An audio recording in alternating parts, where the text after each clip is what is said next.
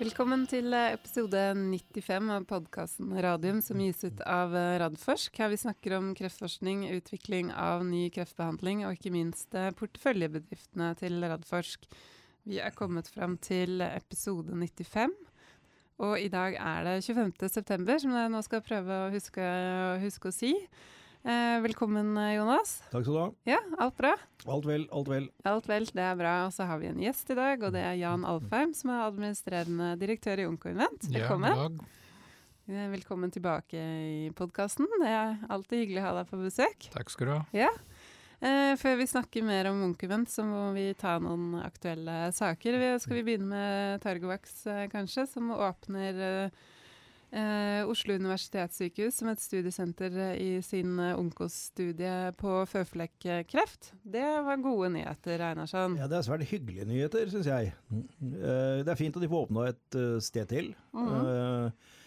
eh, Oslo universitetssykehus har jo vist seg tidligere ved Ramsdal å være et bra sted å inkludere pasienter i denne type studier. Vi hadde jo, hadde jo Svein Dueland som peier på den eh, TG-studien til eh, TG01-studien til Targovax i sin tid, og han var i hvert fall veldig flink til å inkludere pasienter. Så det mm. får vi håpe at det kan øke rekrutteringstakten. Og så er det ikke minst hyggelig da at et norsk selskap åpner, åpner et studie her i, i Norge. For det etter TG-studien så har, så vidt jeg vet, så har ikke Targovax hatt noen onkostudier i, i Norge. Så det er bra for miljøet, det er bra for pasientene våre og det er bra for klinikerne. Så det er, det er hyggelig. Ja, Og så vil man jo ha flere kliniske studier til Norge. Nå er det gått ned i, i en tiårstid. Jeg vet uh, Invento og, og LMI og det var noen flere som skal ha stort møte om kliniske studier i morgen på Rikshospitalet, som det er veldig stor uh, interesse rundt. Ja, det er bra. Eh, og så har vi en annen sak, og det var at det var møte i Beslutningsforum i går. Det er altså det Beslutningsforum er de som sier ja eller nei til innføring av, av nye legemidler. Og det er jo kjent sak at det er mange kreftlegemidler som må innom der, fordi de koster mm. over én million kroner. Uh, og da har det blitt uh, stor ståhei igjen, for nå har de da sagt eh, nei til å innføre Det var vel to ulike genterapier mot yep diffust eh, B-cellet Nei, nå klarer jeg ikke å si det. Storskjedd B-cellelymfom. Sånn var det. Det var, det var, så mange ting. Hva, hva, tenker vi om dette? Nei, jeg tenker at det er trist. Uh, jeg tenker at dette er medisiner som vi vet uh, har en bra effekt, ut ifra det vi har sett. Nå sier Beslutningsforum det motsatte, selvfølgelig, at det ikke er nok effektdata. Mm. Men det er jo kanskje fordi det er få pasienter for, som har fått muligheten til å bruke det. Ja, det er eh, få pasienter. Det er svært spesialisert behandling ja. med få pasienter. Og du kan ikke kjøre sånne store randomiserte studier på dette. Man kan gjenta til, til det kjedelige. Men samtidig så har jo Oslo universitetssykehus veldig god erfaring med, ja. med disse genterapiene og vet jo hvordan de skal administreres, siden de har vært med i kliniske studier av den ene av de i hvert fall. Et av de få stedene som virkelig er spesialisert på ja. dette, og er flinke til å gjøre det. Og hadde jo Eh, for den ene av de to medisinene så hadde jo, var vi det eneste landet i Norden som hadde Europa. Eh, I Europa, unnskyld. Mm. Som hadde både den studien for barn og for voksne. Mm. Det eh, paradoksale er jo at den er blitt godkjent for barn, fordi den faktisk har bra effekt. Ja. Helt tilbake igjen til vår, vår, vår felles bekjente Emily Whitehead og, og den studien i, i sin tid. Eh, den viser også lovende effekt eh, hos eh, voksne, og for å få en mer begrunnet vitenskapelig bakgrunn for hvorfor man syns dette er en rar beslutning, kan jeg anbefale å gå inn på Dagens Medisin og lese intervjuet der med Harald Holte, en av våre aller, aller fremste på dette området, som er helt tydelig på at han syns å da fortsette å behandle pasienten med kjemoterapi istedenfor denne nye teknologien ikke er bra. Nei, og så syns jeg det også er en pussig begrunnelse at man ikke har nok pasientdata. For det betyr jo da at man setter seg ned på gjerdet og venter til pasienter i andre land enn Norge har blitt behandlet, sånn at man da kan se effekten på det. Eh, det syns jeg nesten er uetisk. Ja, jeg syns det er rar, og, og, jeg ser Stig Slørdal, han, han lederen for Beslutningsforum, mm. uttale i Dagens Medisin at uh, Danmark har også sagt nei til medisinen, så der kan dere se at det er flere som sier nei. Men det han ikke sier, er at det er flere andre land i Europa, og i Norden, inkludert Sverige, som har sagt ja. ja. Så hvis Beslutningsforum da bruker argumentasjonen for å si hva andre som sier nei, så, så blir det litt klønete. Nei, det altså. synes jeg er dårlig, dårlig retorikk. Nei, vi får, eh, vi får snakke om noe hyggeligere. Ja. vi får begynne å snakke om, eh, om eh, Onko Invent. Eh, jeg tror, jeg tror det nærmer seg en fire-fem måneder siden du var her sist, eh, Jan. Og, og Ungkonvent er jo ikke høyest ute i, i nyhetene alltid. Så kan du ikke bare gi en kort sånn introduksjon til selskapet, sånn at alle lytterne våre henger med? Jo, eh, det kan jeg klart gjøre. Um, omvendt vi utvikler en uh, preparat for behandling av kreft i bukhulen. Og um, den uh, en spredning av kreft som kommer fra ovariekreft eller uh, kolorektalkreft. Og til å si litt om hvor vi har tenkt å kjøre klinikk. Vi, vi er en av de selskapene som har tenkt å kjøre uh, to fase 1-studier her i Norge. En i kolorektalpasienter og en i ovarikreftpasienter. Mm. Produktkonseptet høres veldig enkelt ut. Vi kobler radium-224 til noen mikropartikler, og så sprøyter vi det i bukhulen. Eh, og etter eh, pasienter får uh, undergått kirurgi. Så er det meningen at vi skal eh, fjerne alle mikrometastaser som kirurgene ikke kan se, slik at pasienter forhåpentligvis får en lengre sykdomsfri periode før de får tilbakefall. Ja, for dette her er jo pasienter som dør av nettopp de metastasene i buk bukhulen, Ja, og ikke av primærsvulsten. det er helt riktig. Uh, i, når man snakker om uh, ovariekreft eller eggstokkreft, det er ikke det primærkreft som tar livet av disse pasientene, det er den spredning til bukhulen som tar livet av disse pasientene. Og dessverre er det slik at eh, det eneste form for behandling som har vist seg å være effektivt i de fleste pasienter, er kirurgi, eh, som er en veldig omfattende prosedyre, etterfulgt av cellegift. Eh, Det er klart de pasienter som har gått så langt at de ikke kan opereres, da får de eh, behandling med bare cellegift. Mm. Men eh, de, den pasientgrunnlag som vi sikter til eh, med Radsforening, er de som får kirurgi. Men eh, prognosen er dessverre veldig dårlig for dem. Eh, Ca. 70% av eh, kreftpasienter er dør etter, uh, i løpet av de første fem år. Ja, Og jeg- Og i kolorektalkreft er det faktisk enda verre. Uh, for de som får spredning primært til bukhulen, er uh, over eh, se- 60 død etter tre år. Ja. Så det er en ganske alvorlig situasjon for disse pasientene, og det er absolutt behov for nye medisiner. Mhm. Eh, og så var det sånn at når du var hos oss sist i slutten av mai, så, så sa du at dere hadde litt problemer med, med formuleringen av Radsfrin. Men det, det har løst seg nå, eller dere har løst det. Det har ikke akkurat løst seg på, Nei, på magisk vis. Det er blitt løst etter mye hardt arbeid Ja. av teamet på Onkonvent. Eh, Vi har jobbet uh, veldig hardt og testet uh, fire forskjellige formuleringer av produktet for å undersøke hva det er vi sa med disse resultatene fra den formuleringen vi hadde tenkt å gå i klinikk med. Mhm. Og eh, vi har funnet ut at eh, punkt 1, den eh, musmodell som vi har testet eh, produktet i, denne er veldig følsom for partikkelpunktum. Og vi har testet eh, i samme modell mange forskjellige typer partikler og funnet at eh, alle partiklene gir en effekt at eh, eh, slår til, og i den tilfellet er det faktisk negativt, for da gjør det miljøet mer eh, eh, bedre for disse kreftcellene å vokse til. Skjønner. Ehm, så ehm, det vi har også testet i samme modell, er at vi har eh, klart å bevise at så lenge vi kan få radium spredd ut i hele bukhulen i disse dyrene, klarer vi å ta knekken på disse eh, kreftcellene, vi får ikke den effekt. Så i samtlige disse fire formuleringene vi har eh, utviklet i eh, løpet av sommeren, har vi sett i, i modeller at vi klarer å drepe kreftcellene og få en forlenget liv eh, til disse muser som har fått krefter. Mm. Det er viktig, viktig å understreke, Jan, det du sa, at du, du snakker om at selve produktet er i utgangspunktet enkelt. Og, og, og tanken bak det er ganske enkelt at du kobler denne radioaktive isotopen til mikropartikkelen. Og hvis du får den sådd ut på riktig måte i bukhulen, så virker den. Ja. Uh, og det er jo ikke noe gærent med det prinsippet eller den tankegangen i det som har skjedd nå. Det er selve, fordi du, du bruker uttrykket formulering. Og det det har ikke med selve partikkelen å gjøre, men det har med hva slags stoffer du bruker når du produserer, og hva slags stoffer du har i blandingen som skal være inni. Så det, dette er ren kjemi for å få dette til på best mulig måte. Så produktet ditt er det samme, ikke sant? Helt riktig. Mm. Og eh, med eh, de, de data vi har generert i løpet av sommeren, har bekreftet enda en gang, gang at konseptet fungerer veldig bra. Mm. Det vil si, eh, om du klarer å få mikropartikler koblet til radium inn i hullerommet, tar den knekken på disse mikrometastaser. Ja. Så vi har en veldig solid proof of principle uh, for konseptet vårt.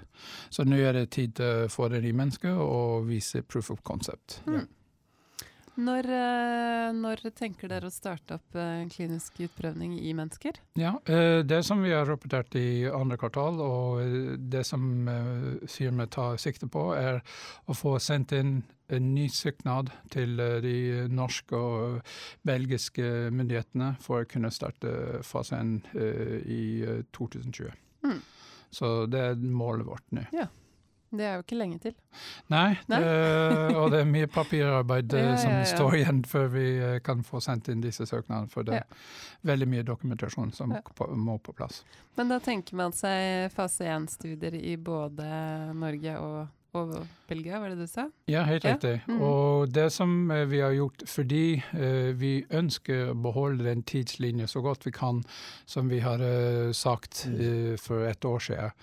Og det vil si at eh, vi har uh, kliniske data i løpet 2020, slik at vi kan basere de data, safety-data på den, uh, den neste runde finansiering. Mm. Og det vi har gjort, er at uh, vi har undersøkt mulighet til å åpne flere sentre. For per, den første tanken var å åpne senter her i Oslo, på Radiumhospitalet, og i Belgia. Mm. for begge studier.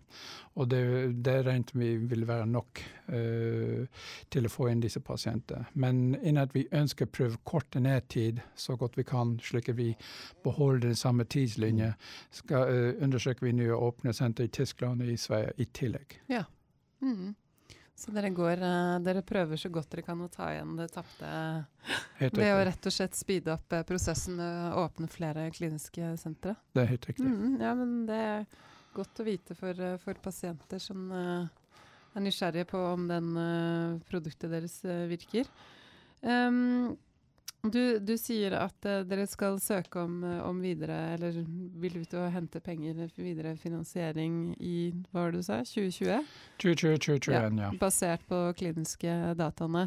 Hva tenker dere per nå i forhold til det? Blir det da en, en emisjon, eller tenker dere børs, eller tenker dere at det får vi se når vi har dataene? Det er vel, uh, sier det rett ut, eh, med en styremedlem som, som sitter her i rommet. Ja! Eh, det, styret har ikke behandlet Er det han du tenker på? eh, Einarsson? eh, ja, Selvfølgelig. ja, han sitter i det styret òg, ja. Disclaimer, disclaimer. Disclaimer, det, du glemmer det der. Så- Holdningen til det styret er akkurat som det er i de fleste av våre, våre selskaper. Vi er pragmatiske i, Ja. i forhold til det. Det har eh, både med, med timing eh, og marked å, å gjøre, hvordan man eh, velger å, å sette den. Og så har det selvfølgelig mye å si hva våre største aksjonærer ønsker. Eh, Mm. Det er noen ganger man ønsker at det skal være flere private runder, og noen ønsker en, en tidlig børsnotering. Men, men vi holder alle, alle, alle muligheter åpne for å se på den neste runden, og også hva vi da skal hente penger til, og hvor mye penger Jan skal få, og hvor langt han skal komme med de pengene. Det er ting vi må diskutere. Men uh, hvem som er de største aksjonærene, det kan du kanskje si? Ja, Roy Larsen og hans selskap er selvfølgelig en stor aksjonær der. Vi i Radforsk er, er med på det. Uh, vi har Sunt uh, inne med en betydelig eierandel. Og Geveran, hvis jeg husker riktig. Helt riktig, et selskap til Jon Fredriksen. Mhm. Eh, så vi har flere Og så har vi Kanika. Og Og Kanika. Ja, av, av de liksom, norske Family Office eh, som er inne. Mm. Eh, Så det er en Mhm. eh, solid aksjonærbase i, eh, i selskapet. Ja, absolutt. Det er jo det man kanskje bør si, hvis det er noen som ikke vet det. Så er jo Roy Larsen og Øyvind Bruland som står bak også dette selskapet, som også da står bak Nordic Nanovektor og Algeta, som ble kjøpt opp av Bayer.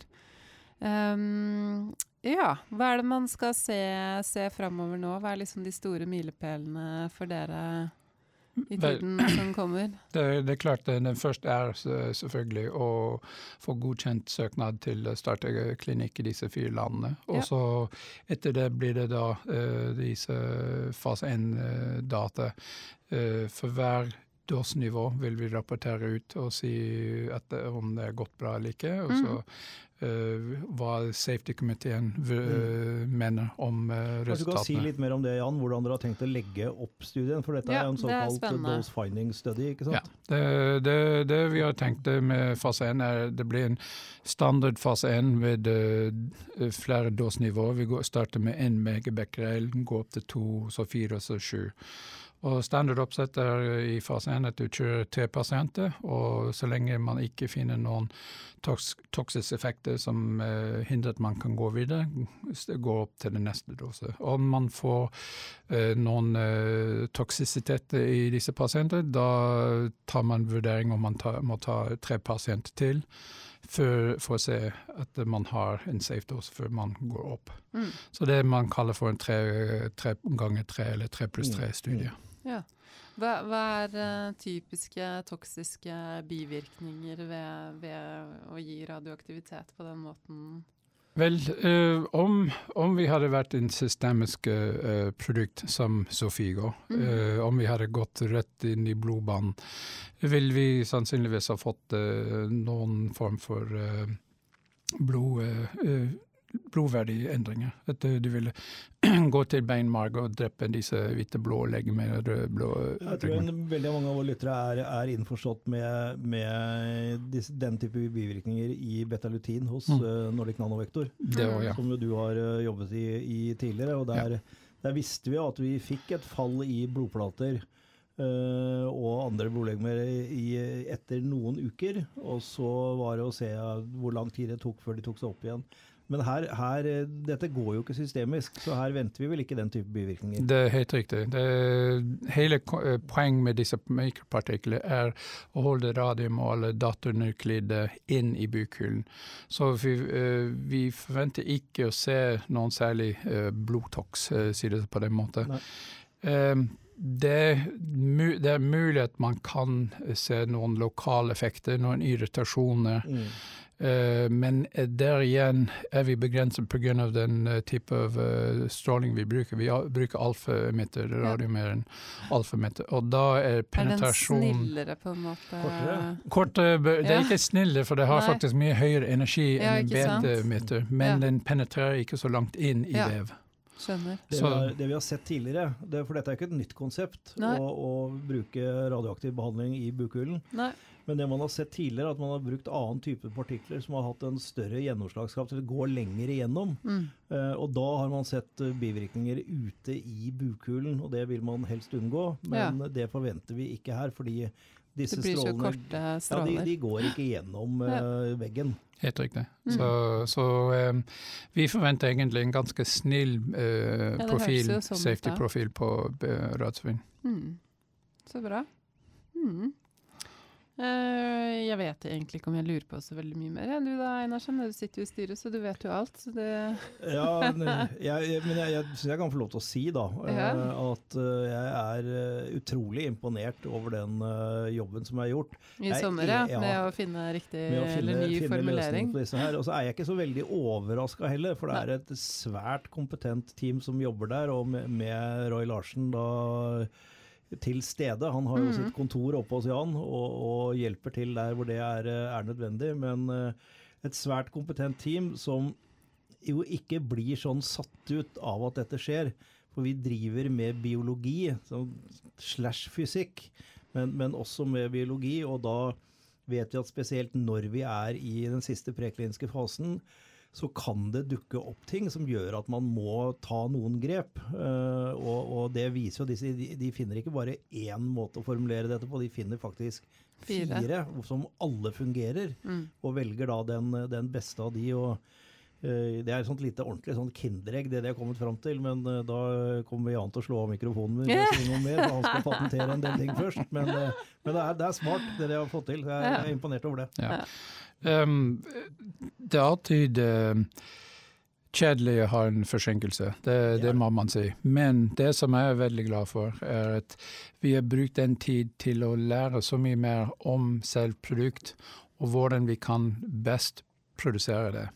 Så vi har mye strengere og tettere kontroll over hvordan uh, vi uh, lager disse partiklene, hvordan disse partiklene oppfører seg i kroppen, hvordan uh, vi kobler strålingen til partiklene. Så vi har brukt disse seks måneder mm. veldig godt for å finne ut veldig mye om vårt produkt. Så vi står mye sterkere klart til å starte fase én nå mm. enn vi var for bare seks måneder siden. Ja. Det folk garantert kommer til å spørre om, Jan, det er at vil du se noen signaler om klinisk effekt? Jeg vet at den fase 1-studien er en TOX-studie. Det er safety som skal rapporteres.